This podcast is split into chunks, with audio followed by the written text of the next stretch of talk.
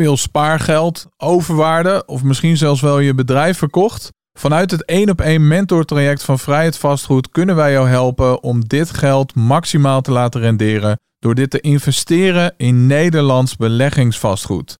Tijdens het 1 op 1 traject ga jij in slechts een paar maanden tijd met je eigen mentor minimaal één beleggingspand aankopen. Wil jij meer informatie ontvangen over dit 1 op 1 begeleidingstraject? Stuur dan nu een e-mail naar info@vrijheidvastgoed.nl en dan spreken we je snel.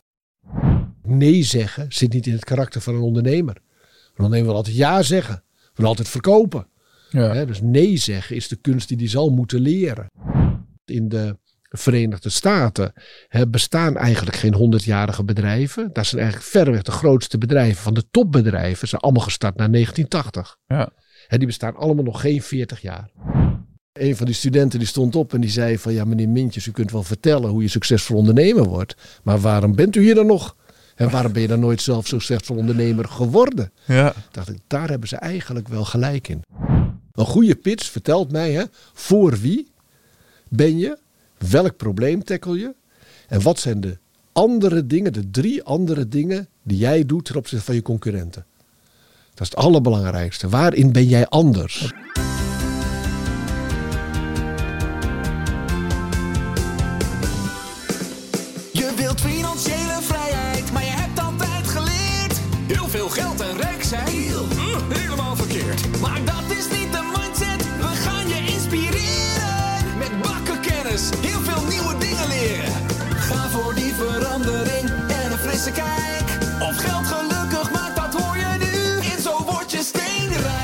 Ja, welkom bij weer een nieuwe aflevering van de podcast in Nederland waar we het hebben over geld en beleggen en veel meer. En met dat veel meer, dat eh, is zeker ook vandaag het eh, geval. Want als jij ondernemer bent, als jij ehm, angel investor wil worden, dan is deze aflevering vandaag extra interessant eh, voor jou. Want mijn gast van vandaag, die is ondernemer. Angel Investor, ik durf wel te stellen, een van de grootste en bekendste van Nederland. Docent, spreker, dagvoorzitter en auteur. Je zou hem kunnen kennen van het tv-programma Dragon's Den of The Pitch op BNR. Ik heb het natuurlijk over niemand minder dan Bernd Mintjes. Welkom. Dankjewel, dankjewel Martijn. Zit het bankje goed? Uitstekend. Uitstekend. Uitstekend, ja. Hey, fijn dat je hier bent. Dat je vandaag eh, nou ja, je kennis en eh, ervaring eh, wilt delen met, met onze luisteraars. Ja, misschien eh, voel je de vraag al een beetje aankomen. Ben jij steenrijk? Ik had hem kunnen verwachten. Je had hem kunnen Ik had hem kunnen verwachten, ja. Ja, laat ik het eh, samenvatten met dat ik me daarover geen zorgen hoef te maken. Maar ik denk altijd, ja, het is misschien voor de kijkers veel boeiender om te kijken van hoe word je zo vermogend? Hè? En kan je dat ook? Die vraag is eigenlijk veel boeiender dan of ik dat nu ben of niet. Ja, en, en je, eh, uit je antwoord merk ik ook van hoe word je zo vermogend? Dus jouw definitie van steenrijk zijn is puur en alleen in financiële zin? Oh nee, nee, nee, nee. Eigenlijk, eigenlijk helemaal niet. Ik vind eigenlijk is het veel belangrijker dat je een gelukkig leven hebt. Ja, En dat je een fijn, gelukkig leven bent. Dat je een tevreden mens bent. Dan dat je veel geld beschiet. Dat Ja. vind ik eigenlijk veel irrelevanter. Maar jij bent in, eh, in beide eh, vormen, eh, zie je jezelf als steenrijk? Ja, Ja, absoluut. Volgens die definitie, oké. Hey, ehm, nou ja, eh, met de intro natuurlijk, eh, dat, was nogal wat wat eventjes eh, voor, voorbij kwam. Kan je ons misschien een beetje meenemen en laten we even terug in, in, de, in de tijd gaan. Als we het hebben over ondernemen of de interesse misschien voor geld verdienen. Is dat iets wat er van jongs al in zat? Nee, eigenlijk helemaal niet. Dat is eigenlijk wel opvallend. Mijn vader was dominee. Dus eh, eigenlijk heb ik het helemaal niet meegekregen van thuis af. Hm. Maar na mijn studie ging ik doseren en ik vond het ondernemerschap wel heel boeiend. Ik had economie gestudeerd en psychologie. En die combinatie van beide bracht me echt in de positie om te kijken van welke ondernemer wordt nou succesvol en welke niet. Eigenlijk Wat zijn dan beetje de, de, redenen daarvoor? de psychologie van geld. Ja, de psychologie van de, ja, van de geldverdiener. Van de zeggen, geldverdiener. Van de ondernemer.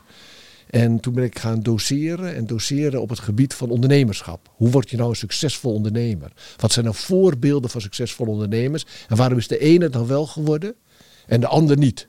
En wat moet je dan eigenlijk voor karaktereigenschappen hebben? Ja. Dat was eigenlijk het begin. Kan, kan je daar misschien alvast eh, even een tipje van de sluier alvast eh, een, een paar van die karaktereigenschappen noemen van een Nou ja. eh, succesvolle ondernemer? Ja, ik denk een ondernemer hè, die moet vooral beschikken over het vermogen om Mhm. risico's te kunnen handelen.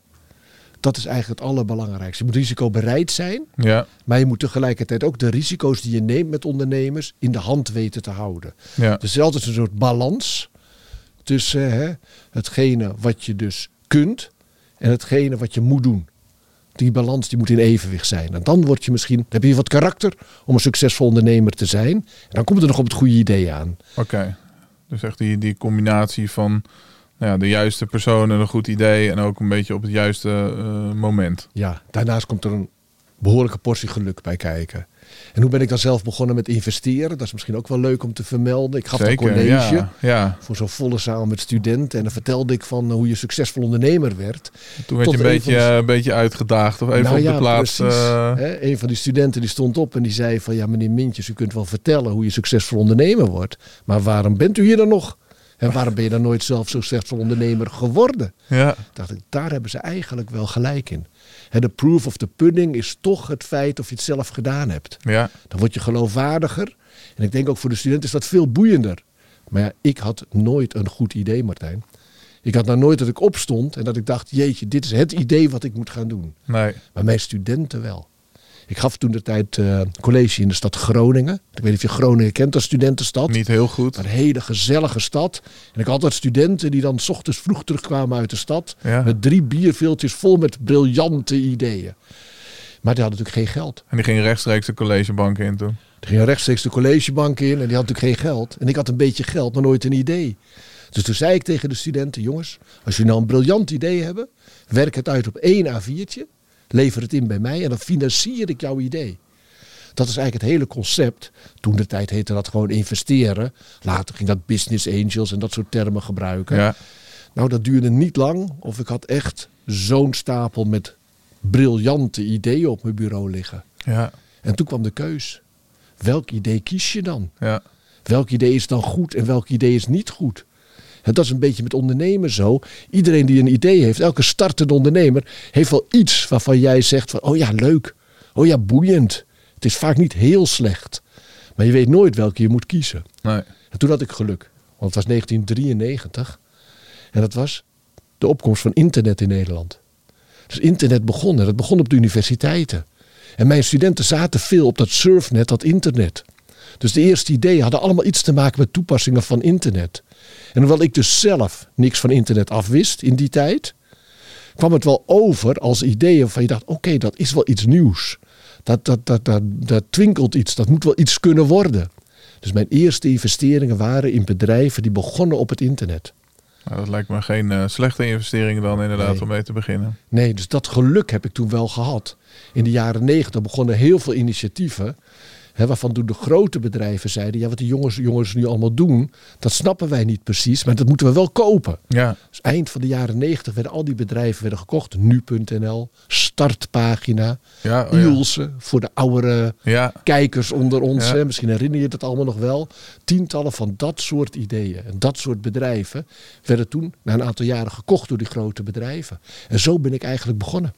En wat, eh, als het geen geheim is, wat was het eh, startkapitaal wat je daar toen eigenlijk, eh, ja, waar, waar je mee begonnen bent met dat te investeren? Ja, mensen denken altijd dat je miljoenen moet hebben om te beginnen met investeren, maar dat is helemaal niet zo. Vaak zijn dit soort ideeën, hè, dit soort kleine bedrijven die op internet beginnen, die, hè, die digitaal beginnen, kunnen met een vrij redelijk klein kapitaal kunnen ze toe. We maakten gebruik van de service van de universiteit. Ja, We maakten gebruik van een hoop diensten die de universiteit eigenlijk bood. Dus je moet je voorstellen dat je in die tijd met 50.000 gulden, het was nog het guldentijdperk, al heel ver was als bedrijf en al heel ver kon gaan bereiken. Werd dat eh, door de universiteit een beetje zo eh, door, de, door de vingers gedaan? Of wisten ze dat niet? Of, of wilden ze daar graag bewust ook aan hun bijdrage aan, aan leveren? Omdat ze Nee, het was onbewust onbekwaam.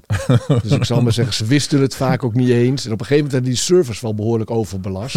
en dat was ook het moment dat ze wel tegen al die jonge bedrijven zeggen... jongens, jullie moeten nu echt een eigen server gaan eh, kopen en zelf aan de slag gaan. Al die bedrijven die draaiden dus gewoon op de universiteit van... Heel, van die, heel veel van dat soort bedrijven zijn begonnen in een universitaire omgeving. Ja. ja. Ja, mooi eh, verhaal. Dus eigenlijk, eh, nou ja, eh, terecht zeg je zelf, even door een student op de, op de plaats gezet. Maar Ja. da- daardoor wel getriggerd en gezegd, van, hey, je hebt gewoon gelijk. En daar is dit dus uit, ehm, Ja, uit, zo ben ik uit ontstaan. En Ja. Nou ja, de, de rest is history. Want we zijn nu bijna 30 jaar verder. En Ja. ik geloof 200 eh, bedrijven ook waarin geïnvesteerd is ondertussen, toch? Ja. Ja, iets meer dan 200 bedrijven heb ik in deelgenomen. Ja, in de afgelopen 30 jaar. En ik heb altijd wel die combinatie geprobeerd te vinden tussen bedrijven waar ik investeerde, de kennis die ik daarin opdeed en het geven van college, het delen van kennis. Dus alles wat ik leerde bij die bedrijven kon ik meteen delen met mijn studenten. ja. En ook omgekeerd, op het hoogtijdagen kreeg ik denk ik duizend verzoeken per jaar om te investeren. En dan pikte ik de beste eruit. En als ik dan wekelijks college gaf, dan nam ik die casussen mee de collegezaal in. ja. Dan Nou, wordt dan het is mooi aan de studenten eh, vragen. Is college dit meer nou? voor Is dit te... goed? Is dit slecht? Hè? Moeten we dit nou doen? En dan kwamen we tot een soort conclusie. En dat was natuurlijk hartstikke mooi. Want in dat hele collegeblok ging ik en investeren.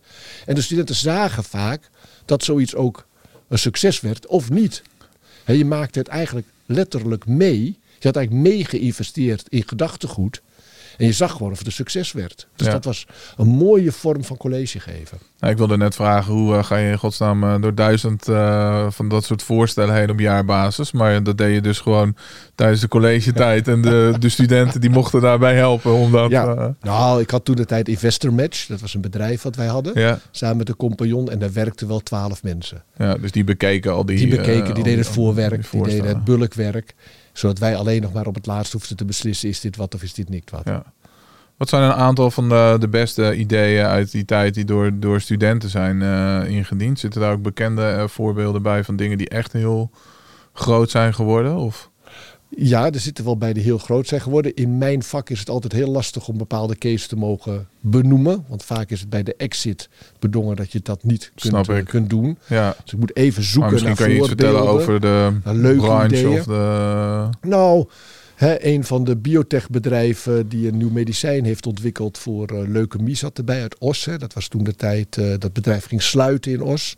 En een van de jongens is toen daar begonnen. Twee onderzoekers met een bedrijf. En die zijn later in Amerika heel groot geworden. Hm. Dat is wel een van de grotere, eh zijn de AstraZeneca gekocht. Dat kennen we nog wel. Uiteindelijk. En dat is een van de grotere poten geworden. daar. Ja. Dus dat is wel een mooi succesverhaal.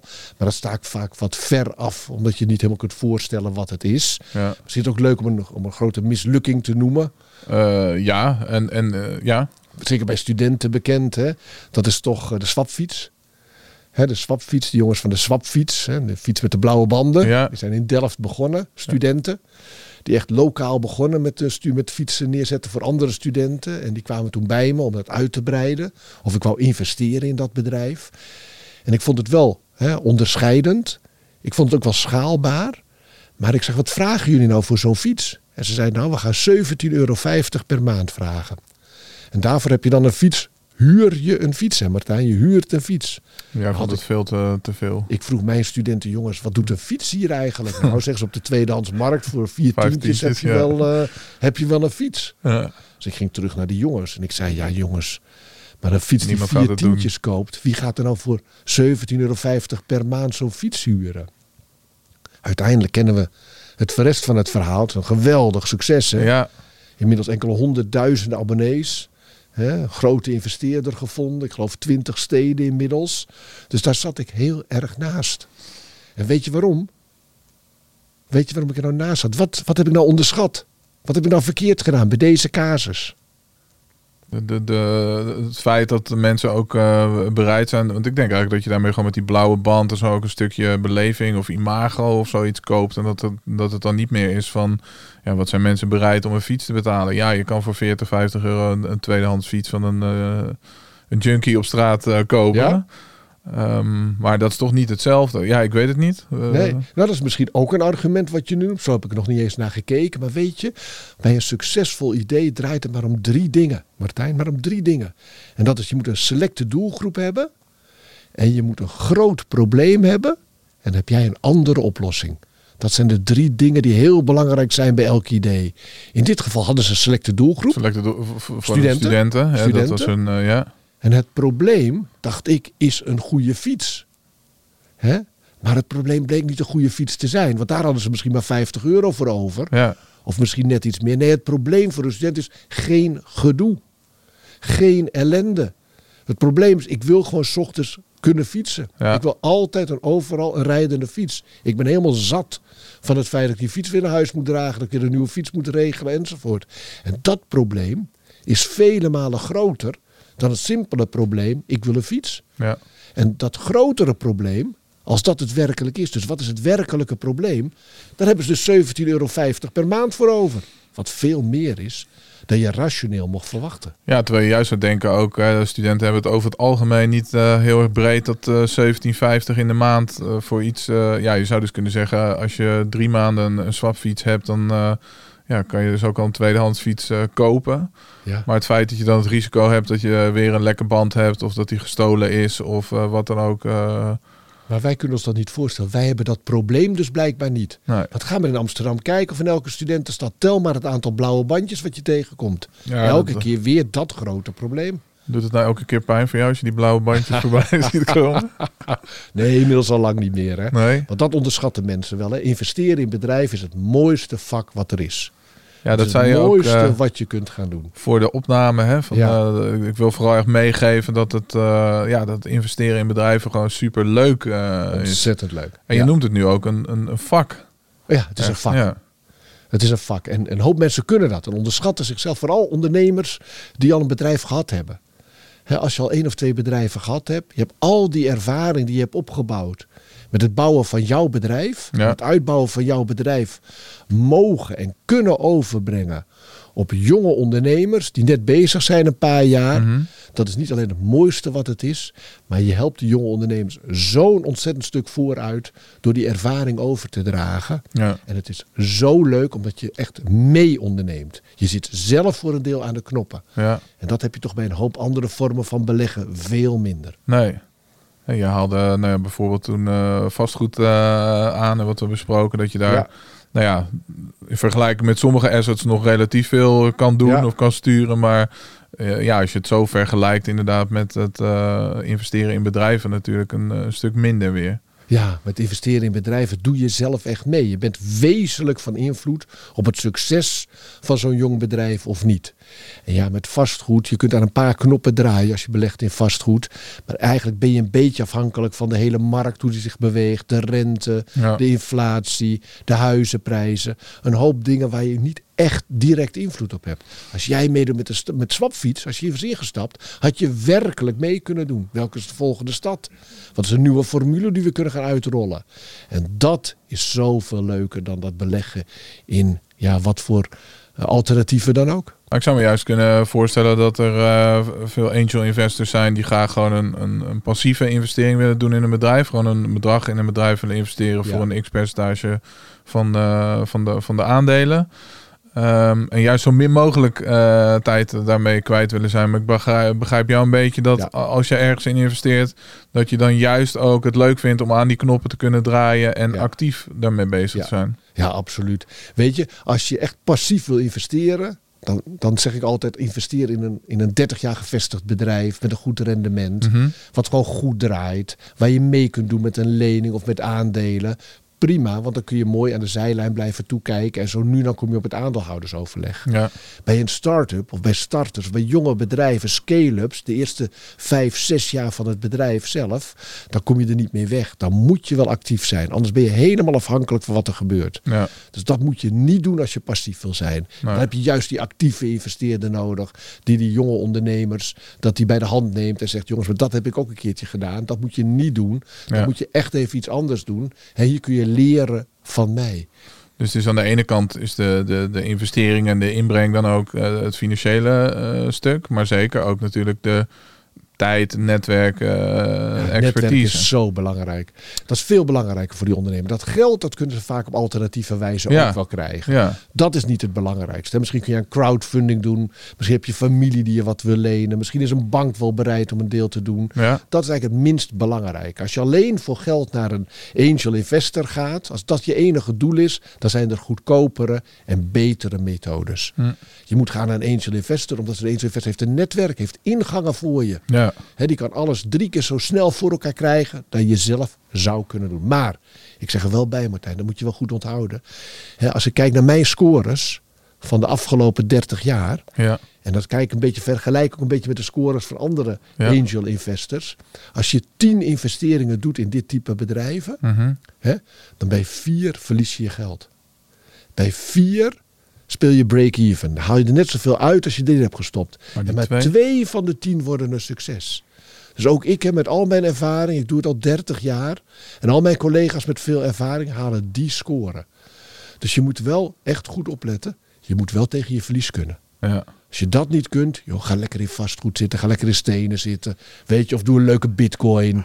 Maar ga niet in start-up zitten. Want daar moet je echt wel tegen je verlies kunnen. Ja, dus ondanks dat je, nou ja, jij als geen ander weet waar je op moet letten en dat tegen een, een, een- checklist eh, hebt en, en eh, ga je daarmee, dat moet je gewoon incalculeren eh, een paar keer nat. Ja, Alleen die twee, dat zijn dan vaak ook wel eh, klappers die die andere, eh, neem ik aan, eh ruimschoots compenseren. Want Anders dan zou je ja het anders, niet al dat 30 is een jaar heel doen. duur spelletje. Ja. Hè? Je moet er wel voor kunnen leven en vermogen opbouwen. Daar heb je helemaal gelijk in. Hè? Dus je haalt het hoogste rendement. Dat zijn ook de bedrijven die in de krant komen. Hè? Waar je veel over leest of waar je veel over hoort. Maar tegenover elk succes staan vijf mislukkingen. Ja. Vijf minder goede bedrijven. En het rare is, je kunt kiezen. Hè? Ik kan kiezen uit duizend. Ik doe er tien. En dan mislukken nog vier. Hè, Of ik kies heel verkeerd, of dat is gewoon de ratio. Je bent dus toch nog voor een belangrijk deel afhankelijk van toevallige factoren. Ja, Van ja en zoals die, die swapfiets, die valt er dan, eh, ja, die heeft op je bordje gelegen, maar eh, die... Ja, die heb ik nog niet eens gedaan. ja, Die heb ik nog niet eens gedaan. En soms mislukt er ook wel eentje, omdat toevallig een concurrent hè, met een, een innovatieve verbetering komt. ja, Of er mislukt iets omdat er een alternatief komt, wat voor dezelfde doelgroep hetzelfde probleem weer beter is. Of omdat de markt verandert. Je zit er net in, maar het mislukt weer. ja, Al die jonge bedrijven die in de energie zijn gegaan de afgelopen vijf jaar. ja. Nou, dan moet je nu overleven. Hè? Dan heb je het even lastig natuurlijk. Hè? Dat je daar zit. Terwijl anderen maken het weer wel. Terwijl het toch een groeimarkt was. Ja, het eh, wel denk ik uh, nou ja, vergelijkingssites het nu nog eh, beter doen dan, eh, dan ooit. Ja, die doen het weer heel erg goed. Hè? Je bent wel heel erg. Gaslicht.com hoeft hier sowieso al geen eh, medelijden mee te hebben met, eh hoe heet Ben eh, Woldering. ja. Student geweest bij mij. Hè? ja? Eventjes voor de goede orde. Dus Ben heeft, ik denk, anderhalf jaar in Groningen gestudeerd. Dus hij heeft het geprobeerd. Maar ja, hij had toen al zijn bedrijven. En Ja, het was super jong, hè? Toen Hij was was heel jong, eh, 16 of zo, geloof ik. ja, dat hele verhaal. Ja, zoiets was dat wel, ja. ja. Maar hij heeft nog wel anderhalf jaar op de universiteit colleges gevolgd. Voordat hij zijn weg weer heeft vervolgd. Als succesvol ondernemer. Hè? Mooi. Hey, laten we voor we verder gaan. Misschien eh, dat niet iedereen eh, van onze luisteraars zijn veel ondernemers bij, maar sommigen zijn misschien ook wat minder in thuis. Ik hoorde je net al wat, eh, wat termen strooien. Misschien even een kleine ondertiteling voordat we verder gaan met de rest van de, van de podcast. Ehm, als we het hebben over een angel investor, of het wordt ook wel business angel genoemd. hè, Maar jij zei ja, dat vind ik niet zo'n heel leuk woord. Ehm, waar hebben we het dan precies over? Wat is daar eigenlijk dan de, ja, de definitie bijvoorbeeld van? Ja. Dus een angel investor of business angel is eigenlijk iemand die van zijn eigen vermogen, het is zijn Mhm. eigen geld, je Ja. privégeld, investeert in bedrijven. En dat kunnen start-ups zijn of gevestigde bedrijven. Ja. En dat doet hij door het verwerven van aandelen in zo'n bedrijf. Dus het is niet een lening geven aan een bedrijf, Nee? maar het is mee participeren, risicodragend geld stoppen in een bedrijf. Ja. En als het goed gaat met het bedrijf, worden die aandelen meer waard. Ja. En dan kun je het weer verkopen tegen een veel hogere waarde dan waarvoor je bent ingestapt. Ja. Hè, en als het bedrijf ook heel goed gaat en het verdient veel geld, dan krijg je dividend. Jouw deel van, het, van de winst die jou toekomt, al gelang het percentage wat je hebt. Ja. Dus dat doet een angel investor. Je stapt in aan het begin, zijn de aandelen relatief goedkoop. En een paar jaar later, als het een succes wordt, dan zijn de aandelen in prijs gestegen en dan stap je weer uit. Ja. Ja, want dat uitstappen, eh, dat is wel echt. eh, ik zeg altijd ook in het vastgoed van, eh, ja, het is heel raar, maar voordat je een pand aankoopt, moet je al weten wat je exit-strategie is, Ja. hoe je ooit weer exit gaat.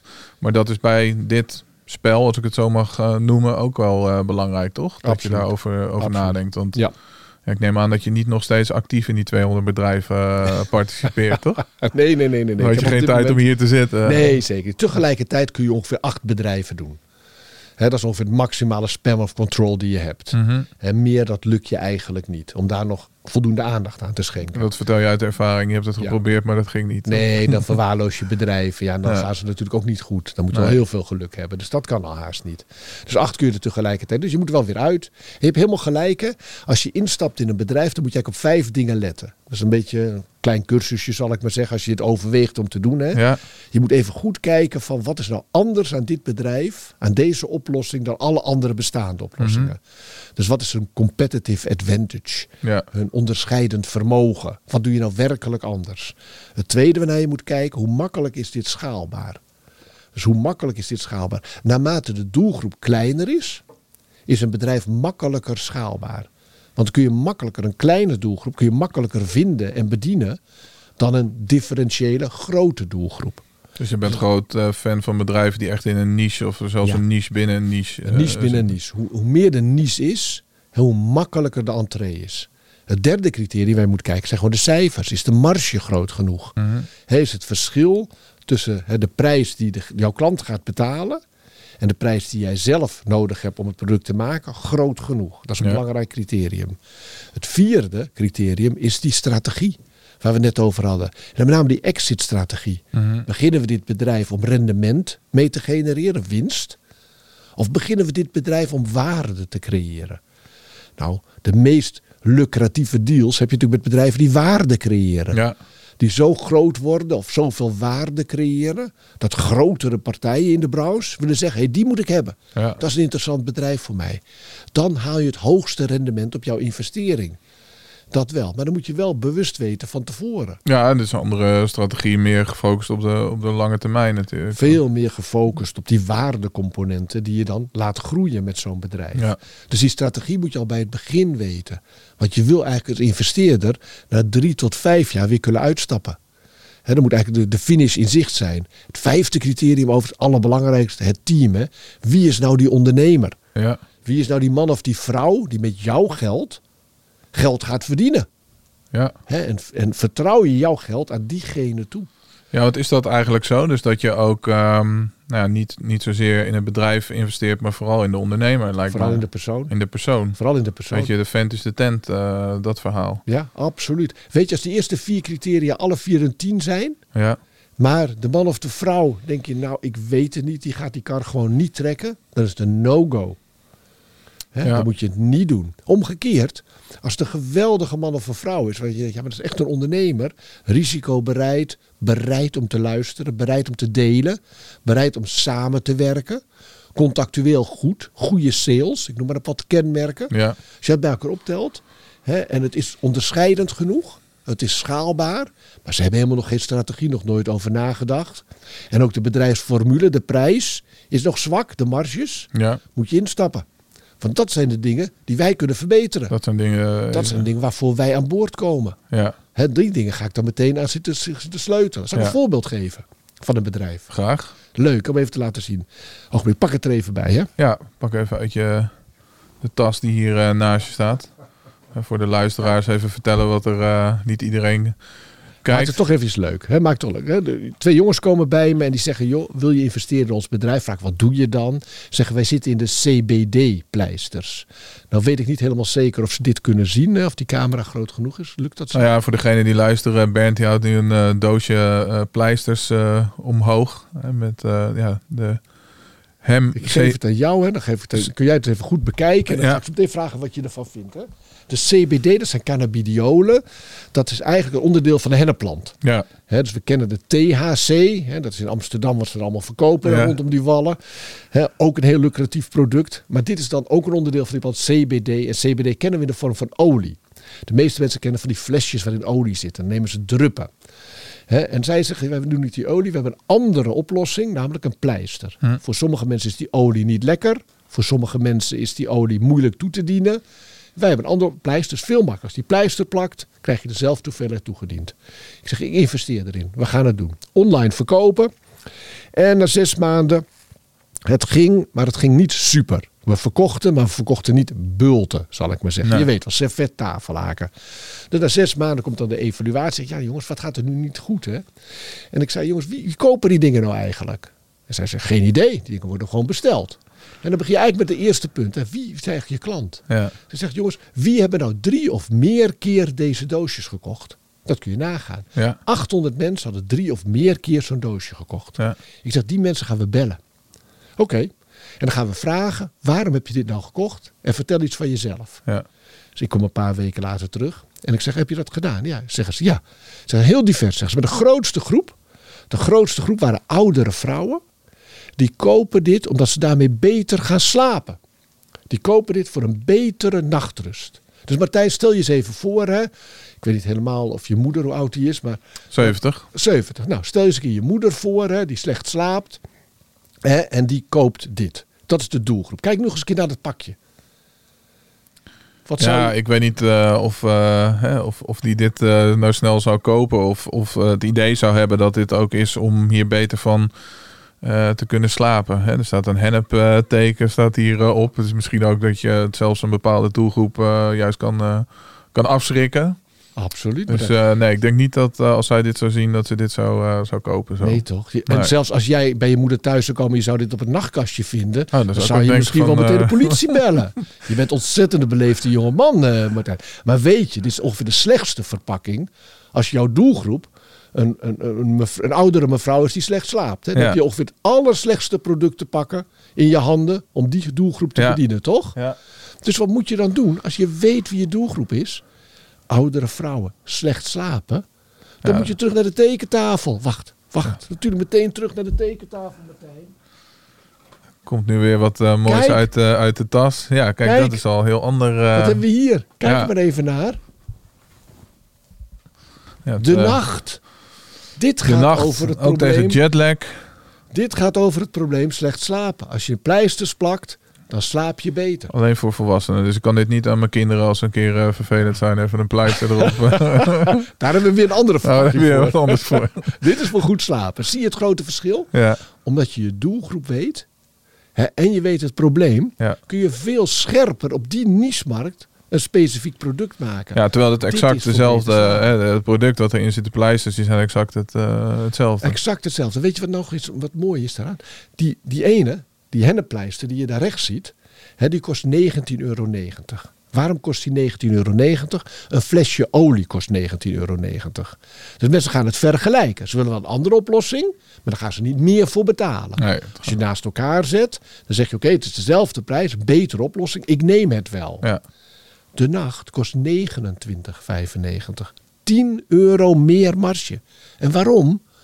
Die kun je niet vergelijken met een flesje olie. Nee. Er staat helemaal niet CBD op. Er is niks, eh, niks, niks. Vergelijkbaars. het is een slaappleister.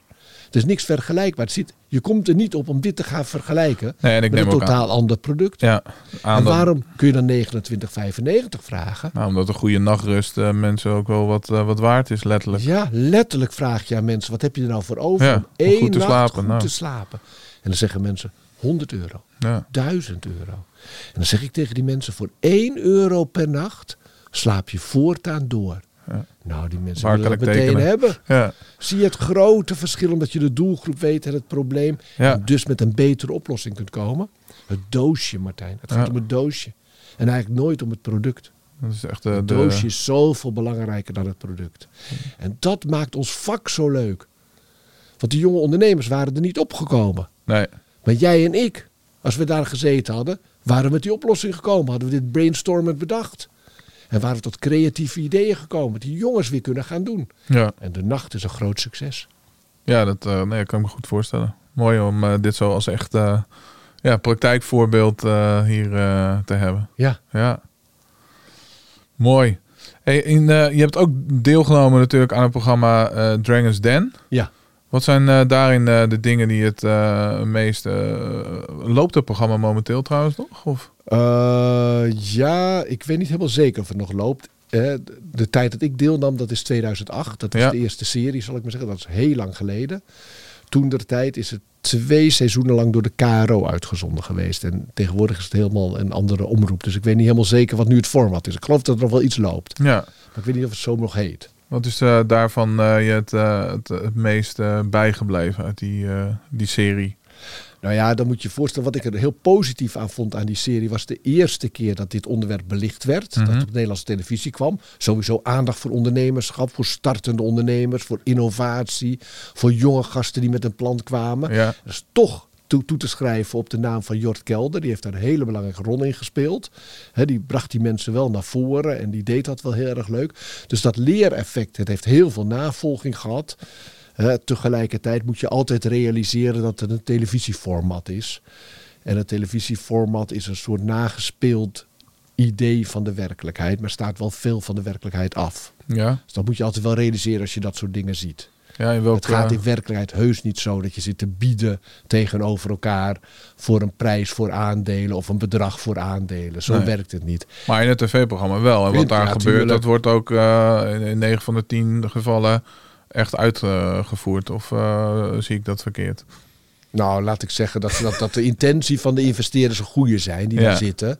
Hè, en hoe het dan precies afloopt, dat laat ik eventjes eh, per geval, weet ik dat ook niet helemaal meer precies. Nee, nee Dus het, dat- het kan natuurlijk ehm, ook bij, eh, bij Shark Tank en dat soort eh, andere programma's in het buitenland. Zo zie je wel vaak dat, dat soms als de uitzending afgelopen is, er achter bepaalde details komen die waardoor de deal uiteindelijk toch niet eh, doorgaat. Ja, of, je ziet eh, die mensen natuurlijk ook maar voor de ja. eerste keer. Ja, Dus je moet daar gedwongen beslissen binnen vrij korte tijd. Omdat dat format zo is. ja, Dus er zit wel een soort clausule bij je als iemand daar gewoon een verhaal staat te vertellen en het blijkt niet zo te zijn. Is in werkelijkheid ook altijd zo. Hè?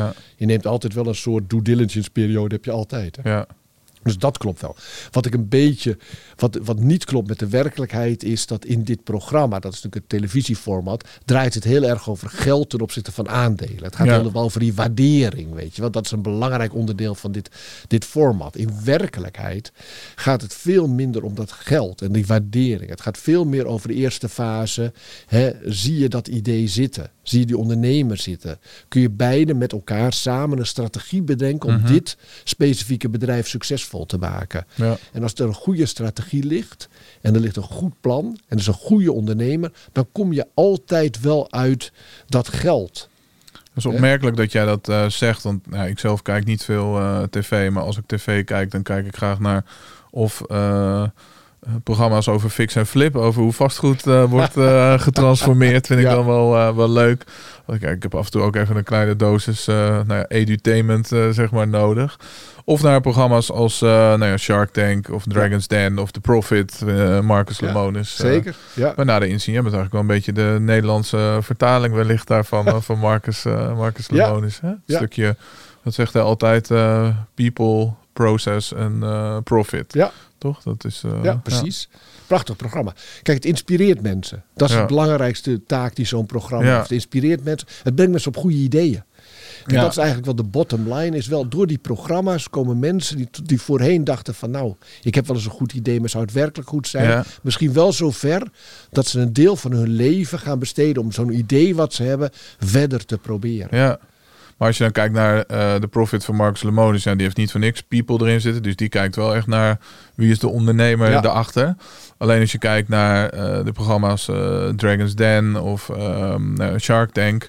Daarin is de focus inderdaad wat jij zegt wel heel erg op de cijfers. Hè? Van ja, hoeveel omzet heb je dan gedraaid tot Ja. nu toe? En wat is de winstmarge? En daar hoor ik ze heel weinig vragen stellen over. Van ja, maar wie ben jij nou eigenlijk als persoon? En wat is jouw netwerk? En komt dat toch om, door dat tv-format eh, dan? Of hoe, hoe verklaar je dat dan? Ja, dat, dat heeft te maken met het format van het programma, denk ik, meer of meer.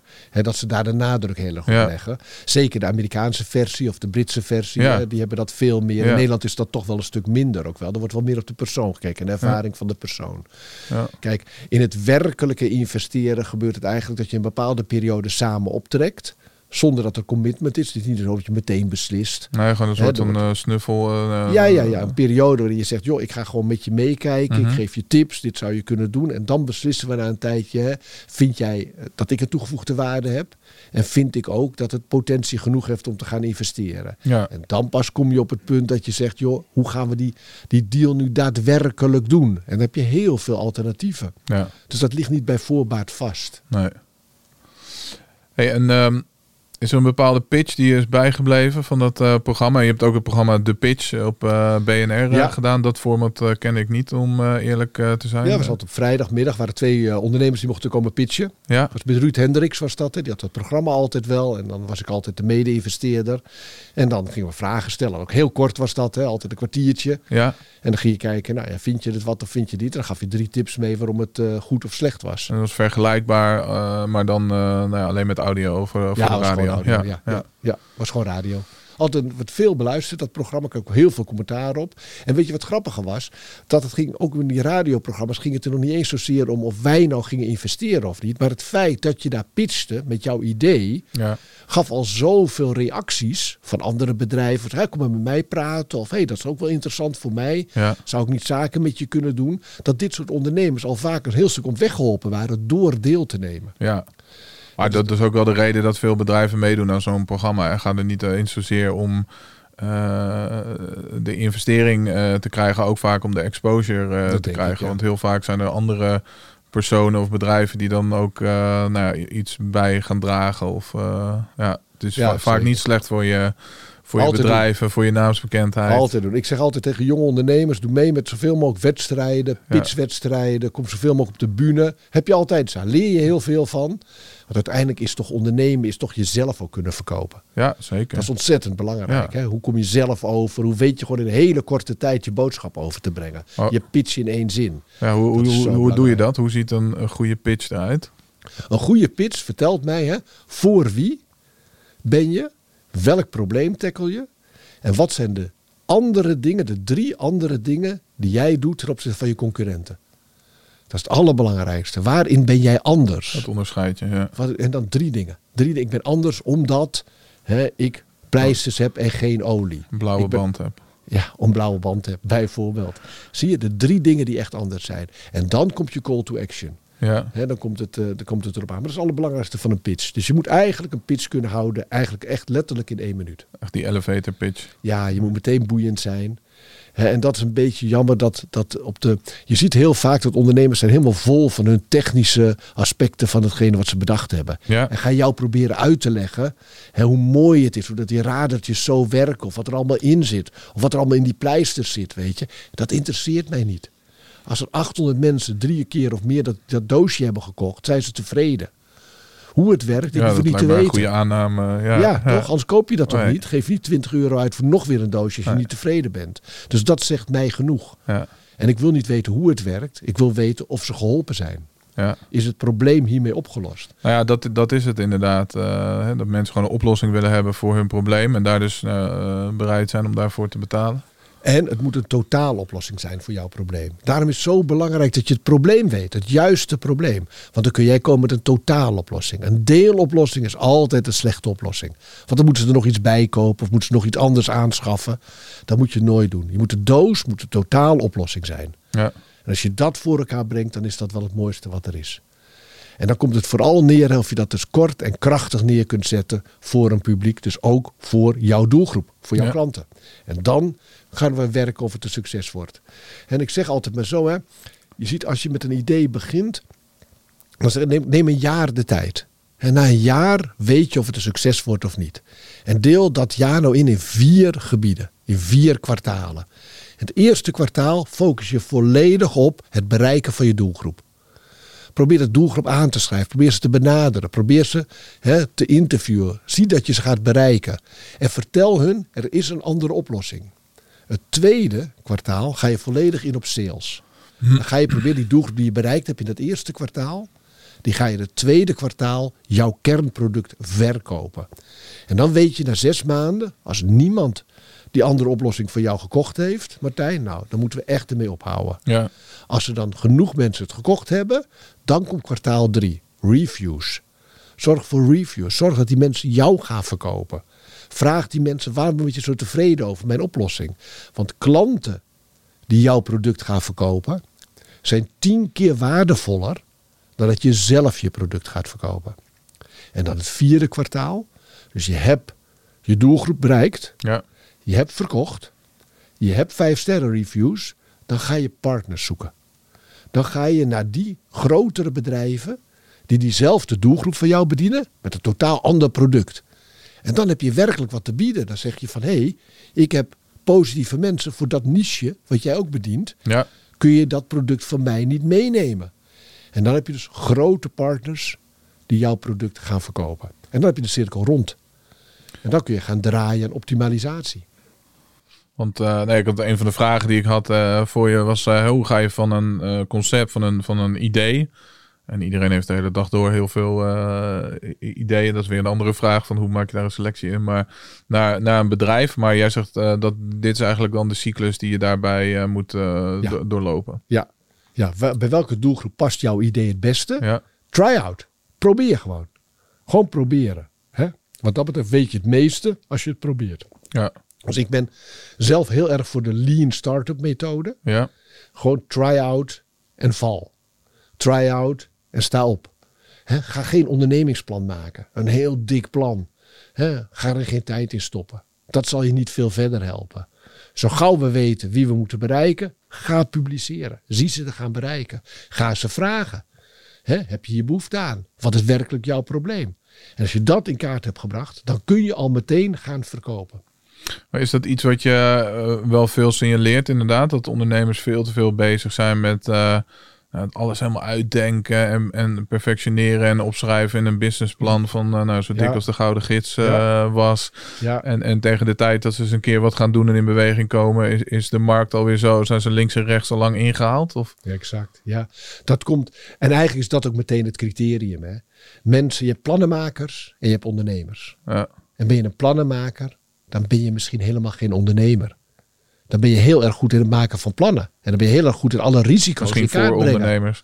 Misschien ben je wel heel goed voor ondernemers. Om plannen Misschien zou je heel goed ja. voor een bank kunnen werken of voor een andere organisatie. Maar je bent eigenlijk geen ondernemer. Tegelijkertijd hè, ben je alleen maar ondernemer. Dus begin je gewoon in het wilde gewoon en kijk je wel waar het schip strandt. Dat is nou ook weer niet zo slim. Hm. Hè, want dan ben je gewoon het hagel om je heen aan het schieten. Nee, dan krijg je die hip-hop ondernemers. Die telkens wisselen van doelgroep. Hè, twee maanden iets proberen. Oh, dit werkt ook niet. Dan ga ik dat wel proberen. Oh, dit werkt ook niet. Dan ga ik dat wel proberen. Ja, dat is te snel. Je moet het wel een beetje de tijd gunnen. Een jaar. Een jaar. Wel nadenken. En dan één jaar lang vol ingaan op hetgeen wat je bedacht hebt. Maar hou het Dan- eh, lean, dus, dus eh, gewoon snel het, het eh, gaan, gaan uitproberen, implementeren. Kosten huishouding relatief laag houden, lijkt mij. Of hoe, hoe, Ja. Ja, dat zeker. Ja, nou, je bent ook gewoon 80 uur in de week ermee bezig. Ja. Wat voor huishouding denk je nog te gaan voeren daarnaast? Ja, Dat is niet de bedoeling. Zeker Nee. als ik als angel investor investeer in jouw bedrijf, ja, dan zijn we bezig. ja. Dan moeten we vooruit gaan met het bedrijf. Hè, het is niet de bedoeling dat we daarnaast nog tien dingen gaan doen. We focussen Nee. op één ding. Nee, ik bedoel de, de kostenhuishouding van het bedrijf, om die Ah, relatief laag te houden. Dat. Ja, je- op zo'n manier. Ja, ja, dat hou je zo laag mogelijk. En dat is wel mooi. Tegenwoordig zie je toch een hoop initiatieven die... Dat vind ik wat mooier van een initiatief als Amazon en Bol.com. Hè, voor ondernemers die gewoon een product willen verkopen. Zijn dat prachtige kanalen om te proberen. Hele lage start-up kosten. Ja, Hè, Je kunt heel makkelijk van zo'n platform gebruik maken... om een bepaalde doelgroep binnen dat platform te bereiken. ja, ook de hele om- handling, de organisatie testen, zij. Marketing. Marketing doen zij. Je kunt prachtig testen. Ja. Hè, dat je kan daarnaast nog extra marketing zelf doen natuurlijk. Maar eh, in principe, eh, ja, klantenservice, distributie, eh, Opslag. opslag. Ja, Dat doen zij allemaal. Hè? Ja. Dus dat is een mooie methode als je met een concreet product bezig gaat. Om te kijken of er markt voor is. Hè, vroeger had je dat met eh, Kickstarter. Ja. Amerikaanse bedrijf. Keek ik altijd naar. Hè? Ja. Ook nog steeds is dat een prachtige inspiratiebron voor eh, ondernemers die nog zitten te twijfelen. Welk product moet ik gaan doen? Hè? Ik zei altijd, kijk nou eens een keertje op Indiegogo of Kickstarter. Volg dat nou eens een keertje wekelijks. Hè? Je ziet de meest fantastische producten voorbij komen in ontwikkelstadium. Ja. Leer je zoveel van wat gaat gelukken, wat lukt niet. Hè, als je dan zelf een product hebt, zet het op Kickstarter. En ga gewoon kijken of er markt voor is. Kijken of mensen het al willen pre-orderen. ja. Zo'n mooi eh, mechanisme. En dingen als een, eh, hoe noem je dat? Een, nee, geen klankbord, een testpanel of zo. Wordt dat ook vaak gebruikt? Is vooral als het om een, om een, om een fysiek product gaat. Dat je aan een groep mensen vraagt die in je doelgroep zitten. Van, nou, wat vinden jullie van deze verpakking of deze verpakking? Of, Ja, ik zeg altijd de proof of the pudding is gewoon doen. Hè, wordt het gekocht of niet? Ja. Zijn mensen bereid om geld over te maken? cijfers liggen niet. Dus ik, vind, ik ben zelf niet zo voorstander van mensen die daar hè, op basis van hun mening zitten. Je, welke koop je? Maar je moet wel direct afrekenen. Ja. Het mechanisme is wel het marktmechanisme. Betaal je ervoor? Ja.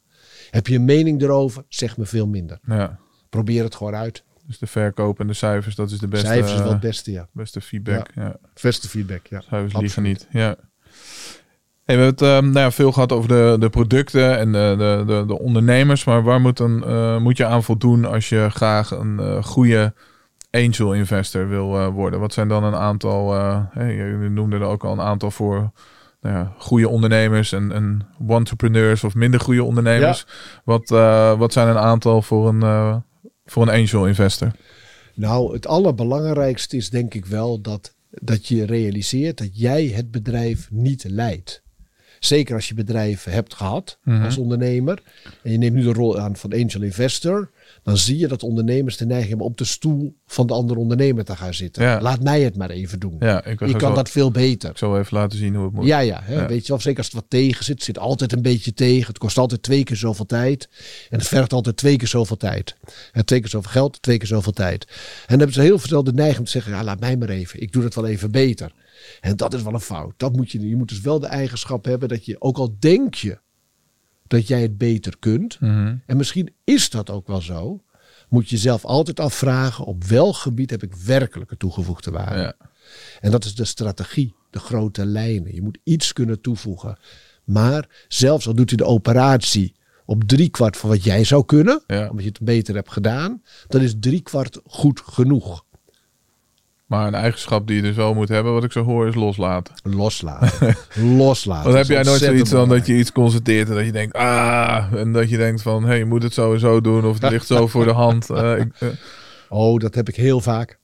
Dat heb je zo vaak dat je wel denkt, oh ja, maar. En dat is de beste remedie. Even naar buiten, een blokje om, een goede fles wijn en een week later weer terugkomen. ja, want het is toch ook zo dat, dat jouw geld en, en jouw tijd erin zit. Dus jij hebt ook in meerdere opzichten, eh, vanuit passie wil je graag dat het eh, succesvol wordt, maar ook in, in, in financiële zin natuurlijk. Natuurlijk, natuurlijk. En dan is altijd, wel, hoe definieer je succes? Hè, is Nou dat ja, succes ja. omdat je misschien iets kunt bereiken in drie maanden, waar je anders zes maanden over doet? Nee, als het resultaat hetzelfde is, kan het ook zes maanden duren. Neem daar genoegen mee. Doe dan liever nog een investering erbij. Verdeel je aandacht. Dat zeg ik ook altijd bij Angel Investor. Gok niet op één paard. Hè, dan ga je er te veel bij betrokken raken. Nee. Doe vier tot acht bedrijven tegelijkertijd. Ja. En als je dat niet voldoende financiële middelen hebt, vorm een investeerderskring. Hè, wat wij dus ook doen met een aantal investeerders. Tien investeerders bij elkaar. En met z'n tienen investeren ze in tien bedrijven. Of in vijf of tien bedrijven. Ja. En dan krijg je een mooie spreiding. Ja. Iedereen heeft een mening. Iedereen kan eraan meedoen. Iedereen heeft, kan iets doen voor zo'n bedrijf. Maar je voorkomt een beetje dat die focus helemaal op dat ene succes moet komen te liggen. Ja. Hè, En van die tien bedrijven waarin je dan met z'n allen investeert, zullen er ook vier een mislukking zijn. Zullen er ook vier toch niet het hele grote succes worden. Er worden er maar twee een succes. Ja. Maar dat doe je in ieder geval ook mee met die twee hele succesvolle ondernemers. Ja. Dus spreid je risico. Dus en daarin heb je dan ook gewoon een, een, een portefeuille van, eh, van bedrijven waar je dus eigenlijk in eh, investeert. Hè? Ja, En daarmee ook meteen een stuk spreiding. Nou, eh, ook heel belangrijk in welke investering je dan ook, ook doet. ja. Ehm, En wat je ook hebt, is dat je verdeelt dan een beetje. Als je tien bedrijven hebt met tien investeerders, dan heb je allemaal een lead investor. Iemand Ja. die bij één bedrijf het meest betrokken is. ja. En je dat- komt dan één keer de maand bij elkaar. En dan rapporteer je over dat ene bedrijf. Wat jouw bedrijf is, wat je volgt. Oké. Hè? En dan ga je met z'n tienen weer nadenken. Wat zou de volgende stap zijn voor dit bedrijf? En het hoeft niet eh, per se degene te zijn die de meeste skin in de game heeft, die het meeste geld heeft. Eh, het kan ook eh, zijn dat diegene toevallig de meeste affiniteiten mee heeft of de meeste. Ja, bijvoorbeeld. Dus dat is, dat is niet zo erg belangrijk, dat financiële aspect. Nee. Nee, en ik hoor ehm, dat het vooral ehm, vaak oud eh, ja, ondernemers zijn die zelf eh, succesvol zijn geweest, een bedrijf hebben verkocht. En dan opeens weer een hele hoeveelheid eh, tijd en geld hebben. En natuurlijk veel expertise. Ja. Klopt dat? En, Ja. en ben je eigenlijk nou ja, kansloos om angel investor? Is dat wel eigenlijk een, een ongeschreven regel dat je zelf dus ook eh, succesvol ondernemer geweest moet, eh, moet zijn? Nou ja, ik ben denk ik, de, de, ik ben al meteen het voorbeeld van iemand die nooit echt succesvol Nee. ondernemer is geweest. Ja. Ik heb alleen maar geïnvesteerd. Ja, Dus ik kan moeilijk zeggen dat dat nodig is. Dat hoeft niet per se. Maar je ziet wel dat, eh, dat het een, een pre is als je in een bepaalde branche of in een sector een goed netwerk hebt. Mm. En als je dat netwerk hebt opgebouwd in de vorm van ondernemer Of je hebt het opgebouwd op een andere wijze. Ja. Hè, dat, is, dat is wel heel belangrijk. Dat je dat wel meeneemt. Dat je wat makkelijker ingangen hebt. Ja. En dat kan op allerlei manieren. Hè, het is wel zo dat je wel... Hè, een ondernemer weet wat beter met die risico's om te gaan. En beter in te schatten. Hè, mensen in loondienst hebben daar misschien wat meer moeite mee. Maar ik sluit het niet uit. Je kunt een goede investeerder worden vanuit een hele andere rol. Ja. ja, je kan misschien wel beter ook omgaan met, eh, met, met de mogelijke risico's. Ja, Want als ik jou goed beluister, dan ben je absoluut niet emotioneel betrokken bij eh, de. Je weet gewoon de cijfers, de statistieken. Je weet van, nou ja, van de tien gaan er vier. eh, dat geld kan ik gedag zeggen. Eh, andere vier, dat, dat, daar zou ik misschien mijn inleg ooit weer eens terugzien. En twee worden, worden succesvol. Nou, je bent wel emotioneel betrokken bij je bedrijven. Het is niet een clean show of zo. Elke starter die mislukt, Ja, is, is een deukje. nee, is een dat, deukje dat- voor jezelf, maar ja. is nog meer een deukje voor de ondernemer die Ja. het betreft. Maar het weerhoudt je er niet van om eh, er überhaupt eh, in te stappen in de eerste Nee. plaats. Of om, nou, je hebt in je eh, investeerderscarrière, als ik dat zo mag noemen, dan van 30 jaar. En die 200 bedrijven ondertussen aardig wat eh, deukjes opgelopen. Maar je weet, het is eh, part of the game. Dat is part of the game. Eh, Exact, dat Maar- weet je. Maar je zal mensen hebben die doen geen oog meer, eh, meer dicht. Nou, dan Ja. is het niet... Dan is dan, nee, dan moet je heel iets anders gaan doen. Joh. Zet het lekker vast op een World Tracker aandelenfonds. nee, wat ETF's en... ja, ja, doe zoiets, weet je. Dan, dan word je veel rustiger van. ja, Je moet er ook een beetje lol in hebben. Hè? En dat is ook wel heel belangrijk. Doe het met geld wat je over hebt. Je primaire inkomsten moet je eigenlijk op een andere manier hebben zekergesteld. ja. Dus doe het met dat bedrag wat je echt over hebt. Wat je anders op een andere wijze belegd zou hebben. En stap daarmee in een aantal bedrijven. Dus niet je, je laatste euro's eh, hierin eh, insteken. Dat raad ik zeker af. Nee. Hey, nog heel even over het ehm, MKB, hè, midden- en kleinbedrijf in, eh, in Nederland. Hoe, hoe ziet dat er op, op dit moment uit? En hoe vind je dat, het, dat het gaat met het MKB in nou, ja, net post eh, corona en, en met alle, alles wat er in de wereld eh, gebeurt? Ja. Nou ja, ik vind hè, altijd in een, in een, in een periode van, eh, van transitie. Hè, wat je nu een beetje ziet. Hè, bedrijven Ja. hebben het moeilijk. Sommige bedrijven hebben het moeilijk. Liggen er omgekeerd altijd heel veel kansen. Hè, dus ik vind altijd, het zijn goede periodes als investeerder. Maar ook als iemand die een bedrijf wil beginnen. Als innovatieve ondernemer. Ja, Is dit een mooie periode. Want Ja. er vallen mensen om. En dus kun je daar gebruik van maken. En dus biedt dat heel veel kansen. Een hele stabiele, rustige groeiperiode kom je moeilijk in een nieuwe markt. En nu zie je opeens dat er allerlei kansen zich bieden. Ik denk ook wel, als je naar de komende tien jaar kijkt en je bent jong, dat ik zeker zou zeggen dat je moet verdiepen in ondernemerschap. Want er liggen nog zo ontzettend veel kansen. ja, we hebben misschien de digitale ondernemer nu 1.0 gehad. De mensen met gewoon een website en dat soort dingen wel. Maar we gaan nu wel de fase in van 2 en 3.0. hè. De vervolg hiervan. En hoe kunnen we toch die doelgroep die wij bereikten, die wij hebben, hoe kunnen wij die aan ons binden? Ja. kunnen we die nog beter gaan bereiken? maar wat zie jij als eh 2 en 3.0? Kan je daar een beetje een beeld van, eh, van schetsen hoe dat eruit gaat, eh, gaat zien? Nou ja, wat ik heel belangrijk vind, is dat, dat, je dus niet zozeer meer gaat om. Hè, ik heb een product, daar is de doelgroep. En ik moet die doelgroep zien te bereiken om een product te verkopen. Nee, het gaat dus veel meer om dat ik een soort verbinding ga leggen met de doelgroep. En dat ik leidend ben in de verbinding met de doelgroep. En dat eigenlijk het product wat via die lijn gaat niet het allerbelangrijkste is. Het gaat om menselijk vertrouwen. Het gaat om menselijk contact. Het gaat nu wel steeds meer weer richting een economie. Hè, waarin het gaat, wie ken je? Wat is jouw omgeving? Wat is jouw groep waarmee je bij wie wil je horen? Ja. Bij wie wil je horen? En als jij dus de ondernemer bent die bij die groep hoort, hè, dat natuurlijke commitment hebt van die groep, dan kun je jouw producten makkelijker kwijt. Ja. Het gaat, niet, het gaat veel minder om is het goedkoper? Hè, is het misschien beter? Het gaat veel meer om gun ik het jou? Ja. Wil ik het van jou? Hoor jij bij die community? En daarin speelt natuurlijk digitalisering een heel belangrijke rol. Oké, dus het eh, digitale stukje, dat wordt dan eigenlijk gebruikt nog om dat verder te versterken, waarbij mensen eigenlijk hun identiteit ook vormgeven door de, de, de merken, de, de, de kleding die ze dragen, maar ook de producten die ze aanschaffen om, om een beetje in die... De club eh, waar ze bij willen de horen. club waar ze bij horen. En natuurlijk kun je die communicatie. Ik zie dan hè, dat, dat, dat, eh, dat digitaliseren, vooral op het gebied van communicatie. Hoe communiceer je dan met die groep? Ja, En doordat dat wereldwijd kan. En je bent dus niet meer aangewezen op alleen Nederland of alleen de Benelux. Ja. In principe kun je jouw soort mensen, jouw soort club wereldwijd gaan benaderen. ja, En die zullen bij jou willen horen. En dan gaat de markt opeens wel vele malen groter. Kun je weer volstaan met een veel kleinere niche-markt. Hè? Als je een ja, maar dan heb je dus niet een niche binnen Nederland, maar een niche wereldwijd. Wereldwijd. Ja, En niets wereldwijd. Je, ziet, eh, je, ziet, je begint Europees. Hè? En als we Europees kijken, kunnen we wereldwijd gaan kijken. Maar het is veel ruimer dan dat. ja, En dat vind ik ook het grote voordeel als we nou kijken naar zo'n coronatijd.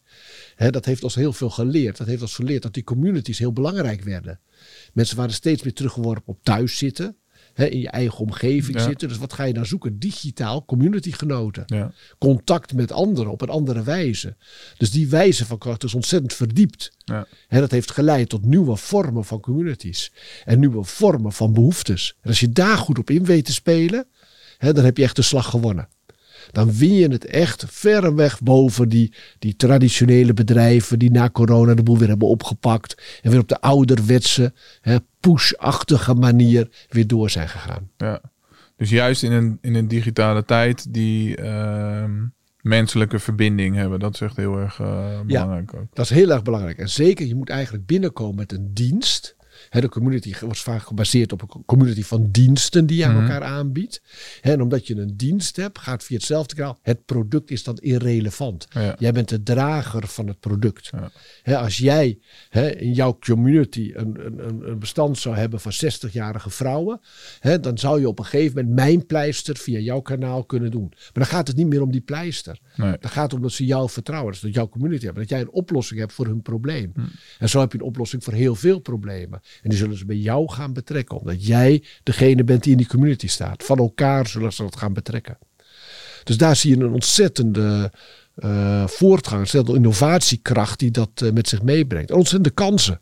En welke kansen buiten dat stukje digitalisering 2.0, 3.0 zie je nog meer? Nou ja, ik zie ook nog wel heel veel kansen via de platformen. Hè, dus waar je verkoopplatformen hebt, digitaal, hè, zoals dat bol.com, dat amazon.com, dat soort platformen, TikTok. Ja, Hè, dat soort platformen zie je echt, waarbij je dat kunt gebruiken om iets wat jij, een merk wat jij hebt, een soort productlijn die jij hebt, ja, te communiceren naar een doelgroep die gebruik maakt van het community platform. Dat totale, dus dat eigenlijk is ondernemen dan is, gaat steeds weer de voorkant. En hoe ver ben jij in staat om vertrouwen te wekken bij jouw doelgroep? ja, En terwijl ondernemen 1.0, daar ging het ook nog over logistiek, opslag, verzendkosten. Honderd andere vragen die al lang uit die, die, die facilitair door veel betere bedrijven gedaan worden dan door jou. ja, Dus bij jou gaat het nu om, je hebt hier nu een studio. Hè, daar ben je nu mee bezig. Maar eigenlijk, die studio is een, is een facilitair iets. ja, je zou misschien nog wel gebruik kunnen maken van een veel betere studio. ja. Het gaat jou die- natuurlijk om jouw doelgroep Ja. te bereiken. Het gaat helemaal niet om die microfoon of die studio die jij hier hebt. Dat is een handig facilitair middel. Ja, Maar je zou misschien, in principe gaat het natuurlijk om, jij hebt een doelgroep. En die kijkt en luistert naar jou, Ja. omdat ze jou vertrouwen. Omdat ze denken, oh dat is goed, die jongen heeft me wat te bieden. En dat is eigenlijk veel belangrijker dan het feit hoe je dat doet. mooi. Dus daarin kunnen ondernemers nog ontzettend veel groeien. En daar zitten de grote kansen. Ja, interessante tijd sowieso, die eh, transitie. Hè? Niet altijd. Transitietijden zijn altijd geweldig mooi. Hè? En, en, Dus als je is- erin zit, soms dan eh, denk je van hmm, lastig allemaal een gedoe of waar gaat het naartoe? Ja. Het geeft ook een beetje onrust of onzekerheid, maar het is ook natuurlijk een hele mooie tijd. En als je inderdaad eh, nou ja, ook v- voorbereid bent en de kansen ziet, dan is het ook natuurlijk een mega eh, kans. Tuurlijk, als je nu kijkt naar die hele energietransitie Ja. waarin we zitten, die nu versneld is geraakt, waardoor er allerlei paniek ontbreekt. Hè, ik denk dat geeft zoveel kansen in Nederland. Hè, als Nederland zouden we nu echt vol moeten inzetten op waterstof. Als zijn alternatieve energiebron. Zijn we goed in. We hebben veel kennis over. We, moeten ons, we moeten ons niet meer bezighouden met of we nog extra gas kunnen krijgen of dat soort dingen. Zet volledig in op een hele andere bron. En als jij daarin bezig bent in die energiemarkt, is dit je kans. Ja, om dit echt samen te koppelen. En dan kom je over vijf jaar bovendrijven. En dan ben jij degene die het wel kan. ja, Dus daar zitten zoveel kansen in. Hoe onrustiger de wereld, hoe beter het is voor de startende ondernemer. Ja. Nou ja, goed. Ja, veel verandering, ook veel problemen op te lossen eh, voor, voor mensen. Dus veel, eh, veel kansen. Hey, over de startende ondernemer gesproken. In Nederland zijn er op jaarbasis ongeveer 200.000 eh, bedrijven die, eh, die starten, toch? Klopt dat? Ja, dat is met net welke definitie je gebruikt hoor. Je hebt ook een heleboel BV's die ingeschreven worden vanuit een heel ander perspectief te Ja. ondernemen. Ja. Maar laten we het houden op 200.000 nieuwe innovatieve bedrijven. Ja. En eh, ik zag op je site, eh 40% daarvan eh, gaat eh, failliet in het, eh, in het eerste jaar. ja, haalt het niet. Hè? Haalt het niet. Nee, gaan, ja. Die geven op na een jaar.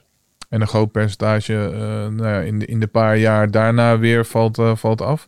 Is het echt eh 1% wordt uiteindelijk een, eh, een, een succes? Ja, nou ja, wat een succes Nou, natuurlijk. dat maar wilde ik dan vragen. Hè? Wat is jouw definitie dan van eh, succes? zeggen, 1% wordt een bedrijf wat jij en ik ons tegen zullen komen. Ja, Laten we dat als succes bemensen. Die een groter bereik heeft, die echt iets zal worden. Dat is niet erg overigens. Hè? dus, dus van die 200.000, eh, als je het dan zo be- beschouwt, eh, zijn er uiteindelijk eh 2000 die Dat is nou, denk ik nog heel ruim geschat. een, een bedrijf van betekenis Ja, worden. dat is nog heel ruim geschat, denk ik zo. Overigens is dat niet erg. Hè? Hè, het is niet erg. Het is niet de doelstelling. In Nederland bijvoorbeeld hechten we heel veel waarde aan bedrijven die 100 jaar bestaan. Dat is een predicaat, wat je koninklijk, koninklijk, bedrijf, wat je ja. onderscheiden. Hè? Ja, Hè, en, en, en dat wordt, wordt waarde aan toegekend. Nou, familiebedrijven zijn ontzettend goede bedrijven. Daar wil ik niks aan afdoen. Hè. Maar weet je wel dat in de Verenigde Staten hè, bestaan eigenlijk geen 100-jarige bedrijven. Dat zijn eigenlijk verreweg de grootste bedrijven van de topbedrijven. Zijn allemaal gestart na 1980. ja.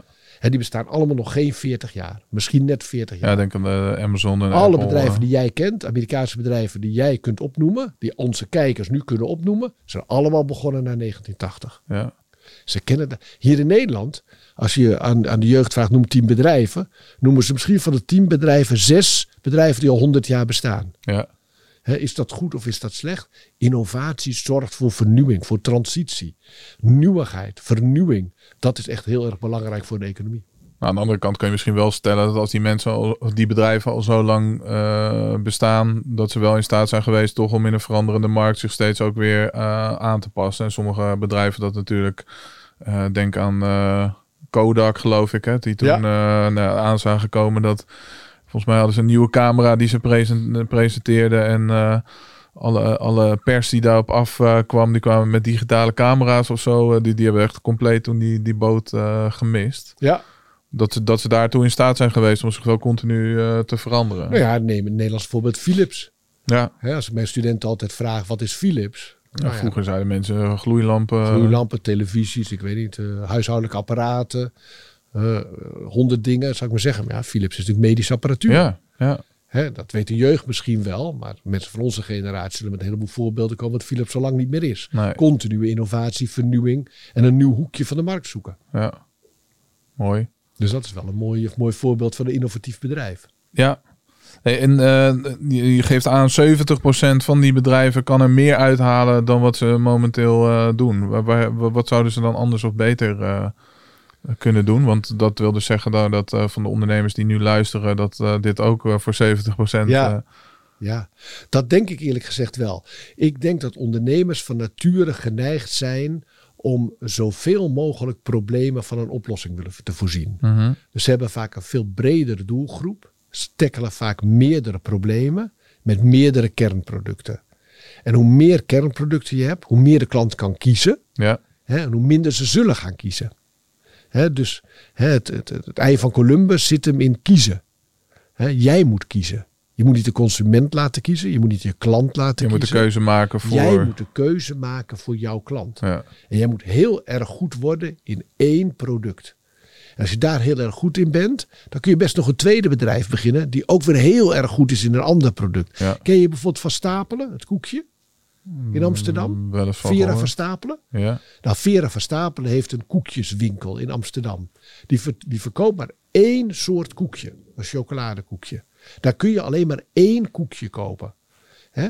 Maar er staat wel elke keer een rij voor de winkel. Je kan via haar website ook niet koekjes bestellen. Maar je kan wel een tijd reserveren waarop je jouw doos koekjes komt halen in de winkel. En één koekje kost 2,30 euro. Je bent heel erg goed de beste in één koekje. Ja. En natuurlijk hebben honderden mensen tegen Vera gezegd: Vera, moet je niet tien koekjes doen? Ja. Moet je ook niet koffie gaan serveren? Vera, moeten we geen broodjes gaan doen? Een mooie locatie.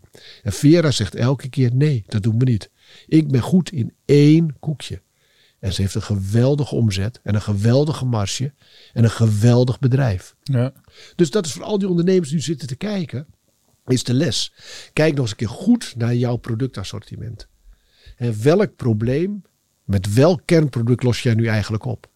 En als je eigenlijk dat niet heel duidelijk hebt op je website, als bedrijf zijnde, als zijnde wat je dus gaat doen in je pitch, hè, dan moet je weer even terug naar de tekentafel. Hm.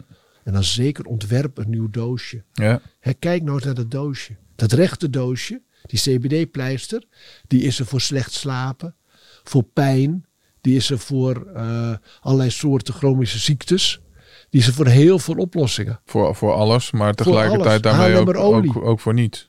En dus eigenlijk voor niets. Ja. Het wordt wel een succes, maar het wordt geen wereldsucces. Nee. Het andere doosje is er alleen voor mensen die slecht slapen. Daar kun je, dat helpt niet tegen andere dingen. Het helpt tegen slecht slapen. Maar dat is ook een hele grote doelgroep. En je kan beter een niche-markt grotendeels bedienen. dan een hele grote markt een heel klein deel. Dan word je weggevaagd. Ja. Dus daar moet je goed over nadenken als je een analyse maakt van je eigen bedrijf. Maar ik denk dat veel ondernemers dat wel heel erg eh, spannend en ook eh, moeilijk eh, vinden. Omdat je natuurlijk altijd het idee hebt van... Ja, als ik eh, meerdere producten heb, dan eh, heeft de consument eh, of, of een ander bedrijf, als je business to business zit, meer te, te kiezen. Dus zal ik ook wel dan meer omzet gaan genereren en uiteindelijk meer winst maken. Of ja, die, die vinden dat heel, heel lastig, ook qua doelgroep. Hè? Voor je gevoel misschien veiliger om eh, iedereen te helpen en te, te bedienen, dan om te zeggen van, nou ja, goed, ik ben echt een, een niche binnen een niche aan het, eh, aan het bedienen. Tuurlijk, nee zeggen zit niet in het karakter van een ondernemer. Een ondernemer wil altijd ja zeggen. Wil altijd verkopen. Ja, Hè, dus nee zeggen is de kunst die die zal moeten leren. Hè, kijk maar eens een keer naar winkels. Hè, kijk maar eens een keer hoeveel winkels hebben een assortiment. Waar als jij daar binnen staat denkt van, nou dit is wel een heel breed assortiment. En waarom? Dat hangen ze er ook maar mee. Want ze hebben ooit een klant gehad die heeft gevraagd om dat product. ja. Nemen ze dat ook maar op in het assortiment. Niet doen. Kiezen. Nee durven zeggen. Als je nee zegt, zul je ja krijgen. Ja, en, en wat kan daarbij helpen om die keuzes te maken? Gewoon heel kritisch. eh, ook daarin, net zoals met eh, de pleisters, de data en de cijfers laten bepalen. Kijk van, ja, wat kost iets? Wat is de kostprijs? Wat is de, de, de, de, de winstmarge? De 80-20 regel? Hoe, hoe kan je, hoe kan Ja. je die keuze maken? Nou, hoe je de keuze kunt maken is gewoon kritisch kijken naar je eigen assortiment. Eén doelgroep kiezen. Één probleem en één kernproduct. Hè, en als je daar moeite mee hebt, als je denkt, ja, ik zie dat niet, of kijk eens een keertje mee, Ja. hè, dan adviseer ik je zeker om operatie doorbraak te gaan volgen. Operatie doorbraak is iets wat we aanbieden voor ondernemers. Hè, wat vanaf volgend jaar twee dagen gaan aanbieden. Een tweedaagse sessie waar je kunt komen. En waar wij dan hè, als team gaan vertellen wat er voor jouw bedrijf de keuzes moeten zijn. En dan doe je dat in een groep, collectief kijken naar je eigen bedrijf met je eigen dingen. En ga je weer na twee dagen naar huis met één nieuw plan om dat te gaan doen. En die helderheid eh, van, eh, ja, dat, dat geeft het. Hè. Het geeft vooral heel veel rust en nee zeggen tegen bepaalde dingen. Zeg je daarmee duidelijk ja tegen andere. Geef je ruimte, geef je flexibiliteit, geef je tijd. Hè, om datgene wel goed te doen waarin je juist heel erg goed bent. Ja, Hè, in plaats van tien dingen half doen, ga je één ding 200% doen. En dat zal je succes brengen. En ook heel veel rust. ja, ook belangrijk. Heel belangrijk. Zeker in een tijd van waarin het toch heel erg onrustig lijkt, omdat er heel veel gebeurt en iedereen de aandacht wil. En, ja. Precies. Bernd, hier naast je op het eh, gouden bankje voor het kussentje ligt nog een eh, voorwerp. Zou je daar nog wat over willen Ah, vertellen? Wat, dat, eh, wat het is en waar dat nou ja, symbool voor staat, wat het verhaal daarachter oh ja. is? Ja. ja, als je het goed kijkt, het is een eh Sint-Jacobsschelp. Ja, wat je hier ziet. En je ziet hier, hè, toen ik op een gegeven moment, een paar jaar geleden, 2018, toen was ik 55. En dan heb je zo'n periode in je leven dat je denkt, is dit het nou? Is dit nou, je hebt het al hetzelfde heel vaak gedaan. En is dit nou geluk of is dit nou wat je moet doen? ja, en toen worstelde ik een beetje met die vraag. Ja, wat En wat kun- hoe durf je te bestemmen? Is Echt een, een, een midlife crisis-achtig... eh, Oh ja, als je het zo wil benoemen, absoluut. Maar die had ik misschien al wel meer gehdit ja, Maar dit was weer een keertje Weer zo'n een crisis, keer, eh, zal ik ja. maar zeggen. En toen heb ik wel gedacht, jongens, hoe kom ik daar nou uit? Toen ben ik naar Santiago gefietst. ja. En dit is eigenlijk het symbool van die fietstocht.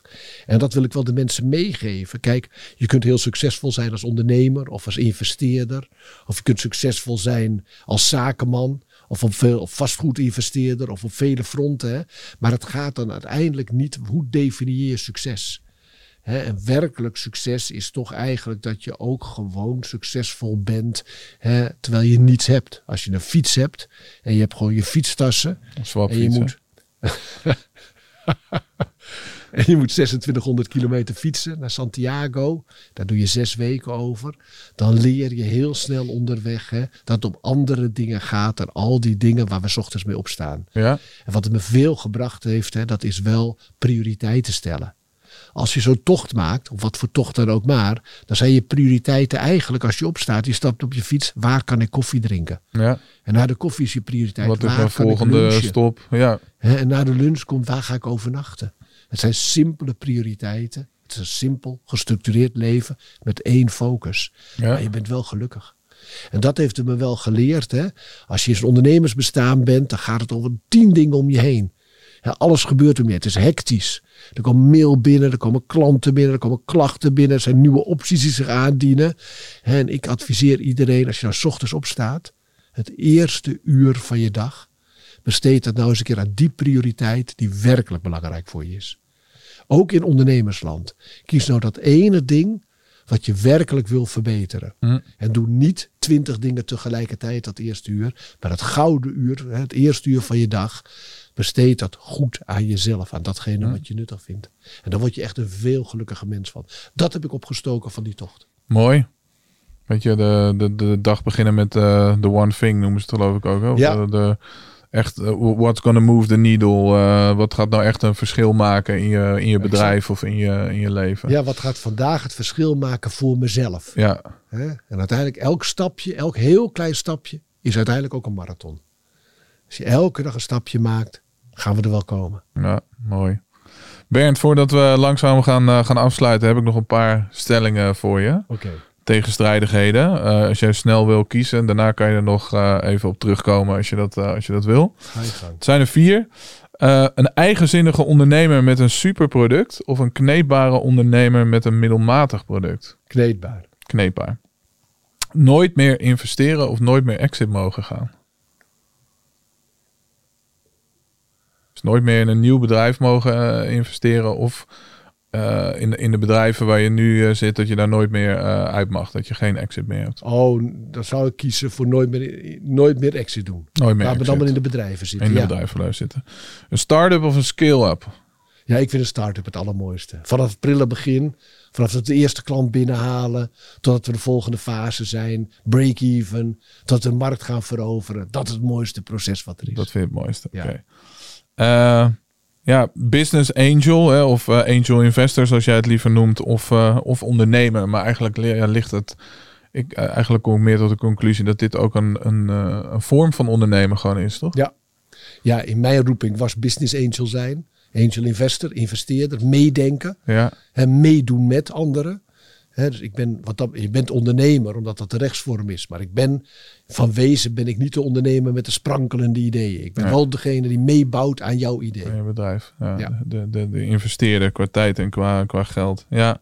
Wil je nog ergens op, eh, op terugkomen? Op een van de of een toelichting geven? Of Eh, nou, eigenlijk niet. Nee, ik zou, ik zou in ieder geval de mensen die hier naar kijken. Je hebt veel vastgoedinvesteerders die hier naar dit programma van jou kijken bijvoorbeeld. Hè, zou ik willen zeggen, joh, als je nou wil investeren. Hè, kijk toch voor alles een keertje naar de spreiding van je hele portefeuille. En kijk nou eens een keertje of een deel daarvan ook niet startende bedrijven zou kunnen zijn. ja, Hè, sluit je eens bij een investeerderskring aan. Doe eens een keertje een jaartje mee. En kijk toch eens een keertje wat voor toegevoegde waarde, wat voor zingeving jij kunt leveren met jouw netwerk en jouw ervaring voor die hele groep startende innovatieve ondernemers. ja. Dat geeft je zoveel voldoening. Ook al ga je failliet, dan hebben we toch nog een mooi jaar gehad. Ja, zo kan, je het, eh, zo kan je het ook zien inderdaad. Ja.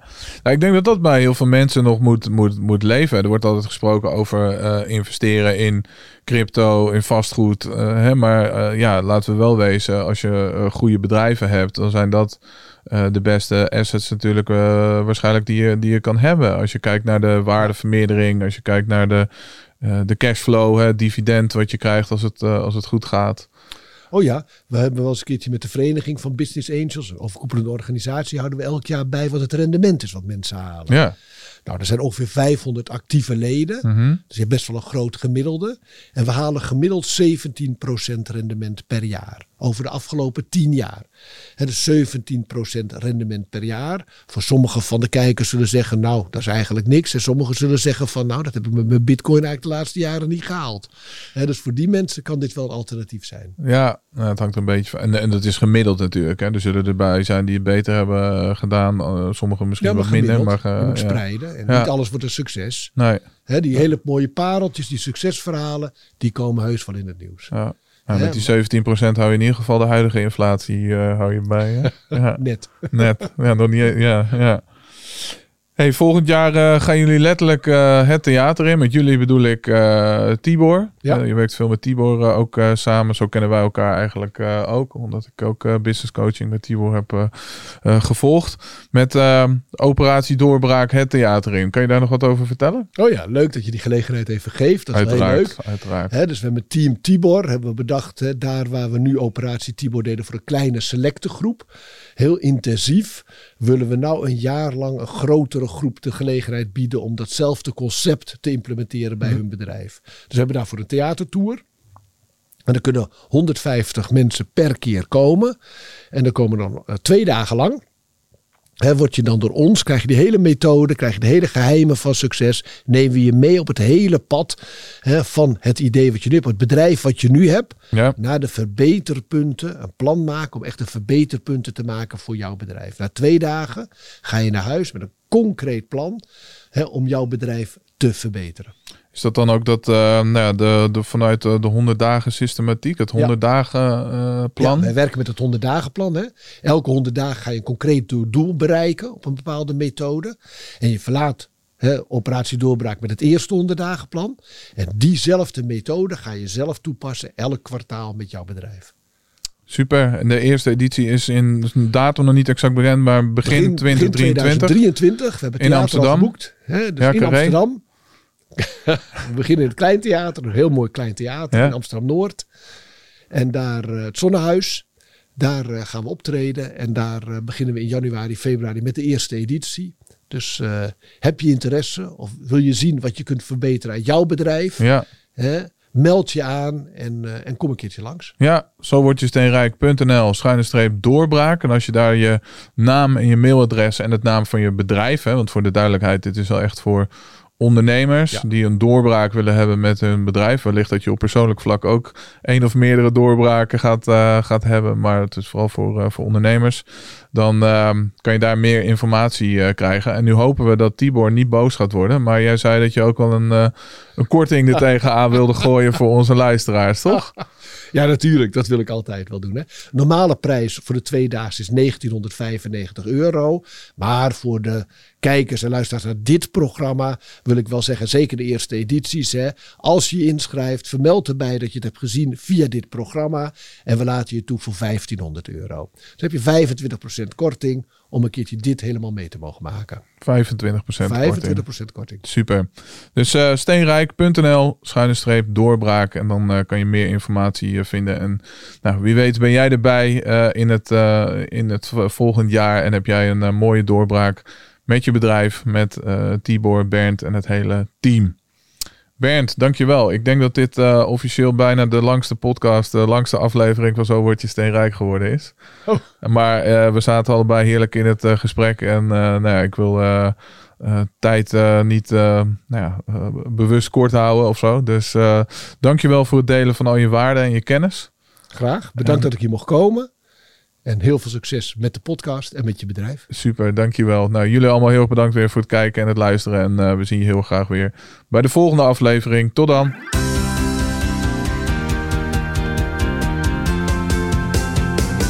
Dankjewel voor je tijd en je aanwezigheid. Superleuk dat jij bij deze podcast was. We hebben ook een website www.zowordjesteenrijk.nl. Daar kan je alle oude afleveringen terugvinden en terugluisteren. Je kan je abonneren op onze nieuwsbrief en daarmee krijg je heel erg veel waardevolle financiële tips. En we hebben heel erg veel speciale acties en kortingen met onze gasten. En welke Nederlander houdt er nou niet van korting? Vergeet natuurlijk niet om je te abonneren op deze podcast. En dan zien we je heel erg graag weer volgende week bij een nieuwe aflevering van Zo Word Je Steenrijk.